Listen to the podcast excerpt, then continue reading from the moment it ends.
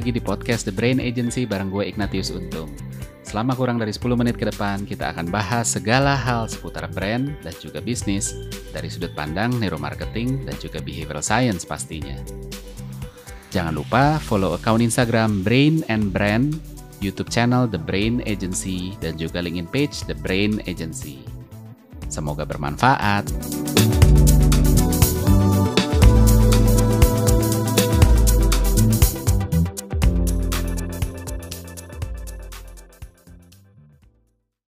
Oke, hari ini kita masih lanjutin dari episode yang kemarin ngomongin soal awareness. Kalau ngomongin awareness, uh, apa ya bahasa Indonesia-nya awareness ya? Ke pengetahuan atau apa ya? Kita kita engeh lah, susah banget ya bahasa Indonesia. Tapi kita engeh terhadap sebuah brand gitu ya. Uh, anyway, ini nggak pernah bisa dilepasin dari memori kalau ngomongin memori, memori itu selalu paling paling menarik gitu ya. Kita ngomongin soal memori di, di manusia dan dan saya kalau ngomongin memori itu jadi salah satu bahasan yang paling seru di buku saya ini nih, buku Brain and Brand gitu ya. Jadi memang memang menarik kalau mau tahu lebih banyak bisa cari gitu ya. Uh, linknya ada di akhir. Uh, tapi dalam dalam bisnis, pekerjaan, uh, kehidupan pribadi gitu ya.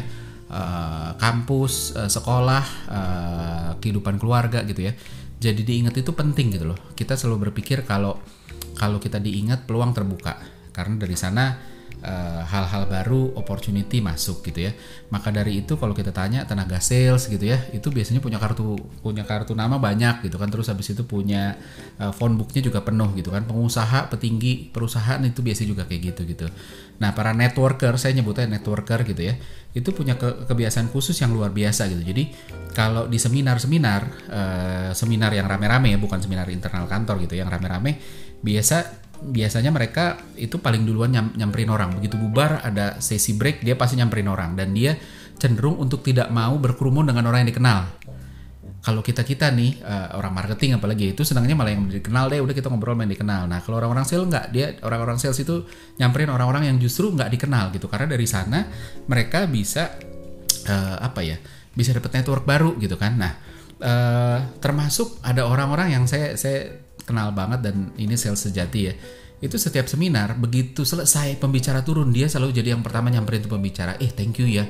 Materi lu bagus banget. Ini kartu nama gua gua ini ini, ini. Nanti kapan-kapan kita ngobrol-ngobrol. Begitu. Walaupun bahkan belum belum tentu relevan tapi buat dia buat mereka ini penting banget untuk uh, connected dulu gitu kan. Jadi uh, dikenal emang emang penting gitu ya. Uh, karena dari dikenal itu uh, kita diingat gitu ya.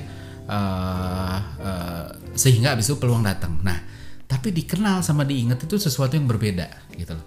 Gue kenal dia tapi gue lupa gitu. Nggak kepikir aja gitu. Di phone book kita coba kalau berapa kita bisa cek dah dari phone book kita mungkin ada berapa seribu nama dan lain sebagainya yang kita telepon dalam enam bulan terakhir itu paling paling banyak cuma 20% sisanya enggak gitu kan.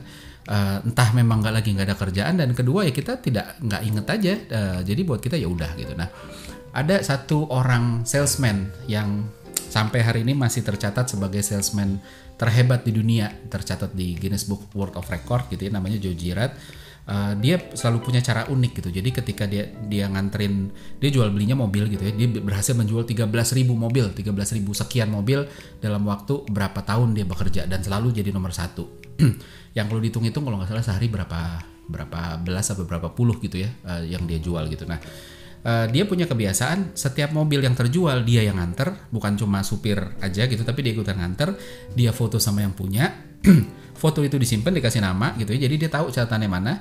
Terus habis itu dia dia tanya-tanya macam-macam. Dia punya datanya segala macam. Kapan dia ulang tahun kapan dia ulang tahun pernikahan kapan anaknya ulang tahun dan sebagainya.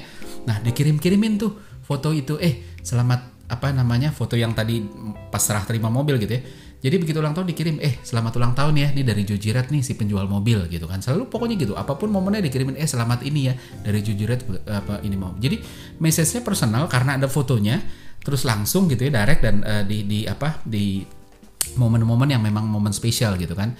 Nah caranya sebenarnya menarik. Nah, tapi kalau kita mau copy ke bisnis kita, apalagi bisnisnya database udah banyak, usernya banyak, wah kita mikir, waduh, bikin begitu lumayan ribet juga ya gimana caranya gitu kan uh, ada sih apa namanya uh, apa uh, tool CRM yang tuh habis itu bisa keluar reminder eh nih si ini ulang tahun dan sebagainya tapi untuk benar-benar kasih message yang personal yang personal banget itu butuh effort luar biasa gede gitu ya. Nah, ada ada banyak brand juga yang akhirnya berusaha untuk jadi diingat dengan cara balik lagi bikin sensasi gitu kan kayak pengacara-pengacara, politisi gitu kan yang gimana caranya supaya ngebus uh, apa namanya awareness popularity ya bikin sensasi gitu kan. Komentarin uh, siapa pun lah pokoknya apa yang bisa dikomentarin dia komentarin gitu kan. Nah tapi balik lagi permasalahannya kan selalu apakah ini sesuai nggak sama brandnya gitu. Cari sensasi untuk bikin kita jadi diingat oke okay, gitu tapi apakah terus habis itu kita jadi diingat dengan cara yang baik? Nah itu itu yang uh, apa yang penting gitu. Nah kalau kita ngomongin jadi diingat kita harus ngerti banget gimana otak kita kerja gitu ya. Pertama otak kita beda sama hard disk itu ada piringannya di mana di piringan itu tuh sebenarnya ada oh di titik ini tuh nanti akan tersimpan atau bukan nanti. Di titik ini tersimpan file saya yang kerjaan kemarin. Kalau yang ini nih file MS Word yang tadi nih kalau yang ini nih budget untuk klien nih segala macam. Sehingga ketika bagian itu rusak entah berkarat atau apa kalau dulu namanya bad sector kalau dulu mengerti komputer ya itu bad sector. Begitu bagian itunya hilang materi yang tersimpan di situ hilang gitu ya. Nah kalau otak enggak otak itu nyimpen itu tidak ada satu bagian pun di otak yang oh nih bagian nginget ini nih yang ini ini yang ini lain. Enggak.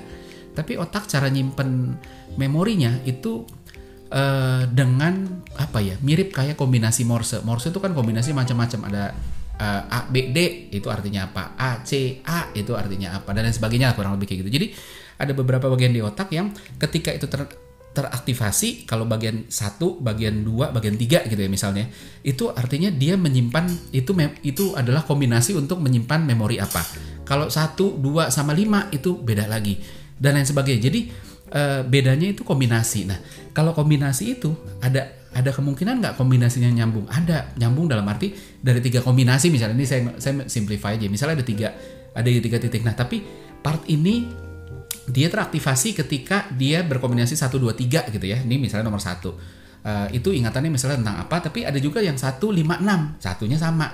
Nah, ini ini saya coba simplify aja biar biar lebih gampang. Nah, ketika ketika ketika ada bagian yang sama itu kurang lebih uh, sebenarnya menggambarkan uh, apa namanya ada hal-hal lain yang bisa terkoneksi. Jadi ada dua tiga atau lebih memori yang terkoneksi karena ada hubungannya gitu. Jadi sehingga nyambung gitu kan.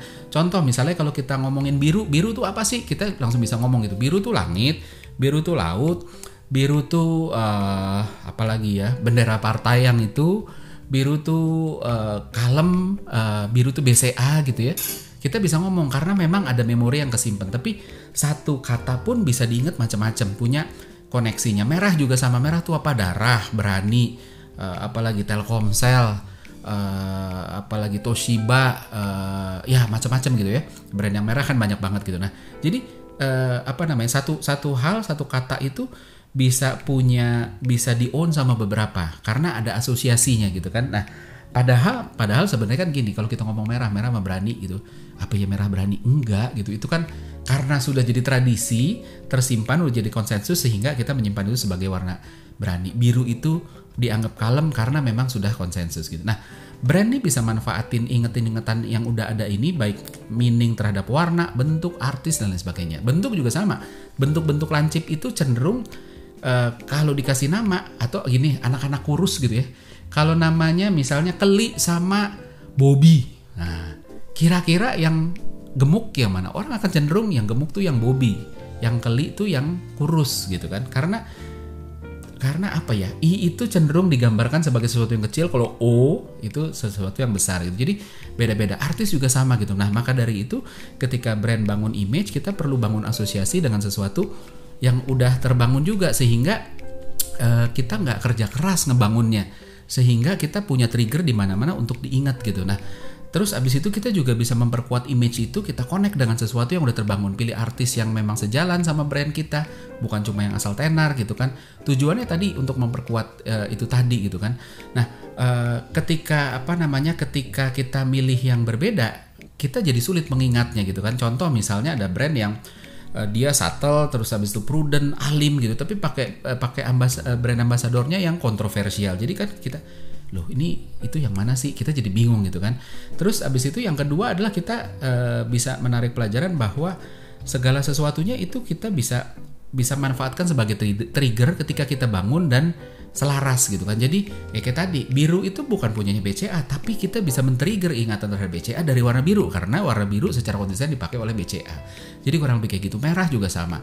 IKEA juga sama. Ketika kita bilang IKEA yang diingat apa aja? Oh, udah ngomong furniture, Swedia, meatball, hotdog, ice cream murah, uh, flat pack furniture warna biru kuning dan lain sebagainya. Jadi itu semua bukan punyanya mereka, tapi begitu secara konsisten dipegang sama IKEA, itu jadi terbangun dan jadi trigger untuk orang mengingat IKEA. Jadi kalau kita ingat salah satu itu bisa jadi trigger untuk yang lain. Nike pun juga sama. Nike pakai brand endorser yang persistence yang punya determinasi hard work gitu kan karena memang itu yang mau dibangun gitu memang itu brandnya Nike sehingga dia ambil artis-artis yang seperti itu uh, terus uh, otak kita tuh juga nggak punya kemampuan indexing gitu ya. Kita nggak bisa ngurutin uh, A, sampai C gitu ya berdasarkan ingatan. Coba saya mau tahu misalnya uh, apa namanya uh, apa ya brand-brand dari yang paling enak paling nggak apa aja itu kita akan sulit gitu. Jadi harus pelan-pelan gitu kan. Uh, tapi brand kita itu uh, sorry otak kita itu kerjanya bukan indexing tapi lebih cenderung ke asosiatif. Apa sih asosiasi dari ini gitu kan? Jadi cara nyimpennya adalah satu memori itu terasosiasi sama apa. Jadi kalau brand kita mau dibangunnya dengan asosiasi apa? Asosiasi kalem, asosiasi agresif, asosiasi biru, asosiasi merah, atau asosiasi tajam, asosiasi happy, dan sebagainya. Nah, itu yang harus dibangun. Maka dari itu, untuk ngebangun brand, supaya bisa nge, nge memanfaatkan asosiasi ini kita harus clear dulu gitu kan. Brand ini mau dibentuk sebagai apa asosiasinya? Apa aja sih yang ada di dalam situ? Sehingga nanti kita bisa ngebangunnya. Oh kita udah punya nih mapnya. Oh kita mau bangun asosiasinya seperti ini. Sehingga di situ oh ya udah. Kalau gitu yang banyak harus diomongin hal-hal kayak gini. Sehingga orang-orang ini audiens ini nggak sibuk mikirin asosiasinya tuh apa ya? Kok conflicting? Kita harus larasin di depan gitu. Kalau nggak selaras di depan nanti orang juga jadi bingung di ujung-ujung ini apa ya kok kadang-kadang merah kadang-kadang biru kadang-kadang hijau pelangi oh apa dia pelangi? Tapi nggak juga kadang-kadang hitam putih gitu kan. Jadi nggak karu-karuan gitu kan. Nah sehingga jadi disonans ketika disonans disonans ya jadi susah diingat gitu. Jadi itu penting banget. Nah pertanyaannya adalah gimana anda sudah membangun brand anda nih? Apakah udah punya clear tentang clear association yang mau dibangun tuh apa sih? Dan itu selaras apa enggak gitu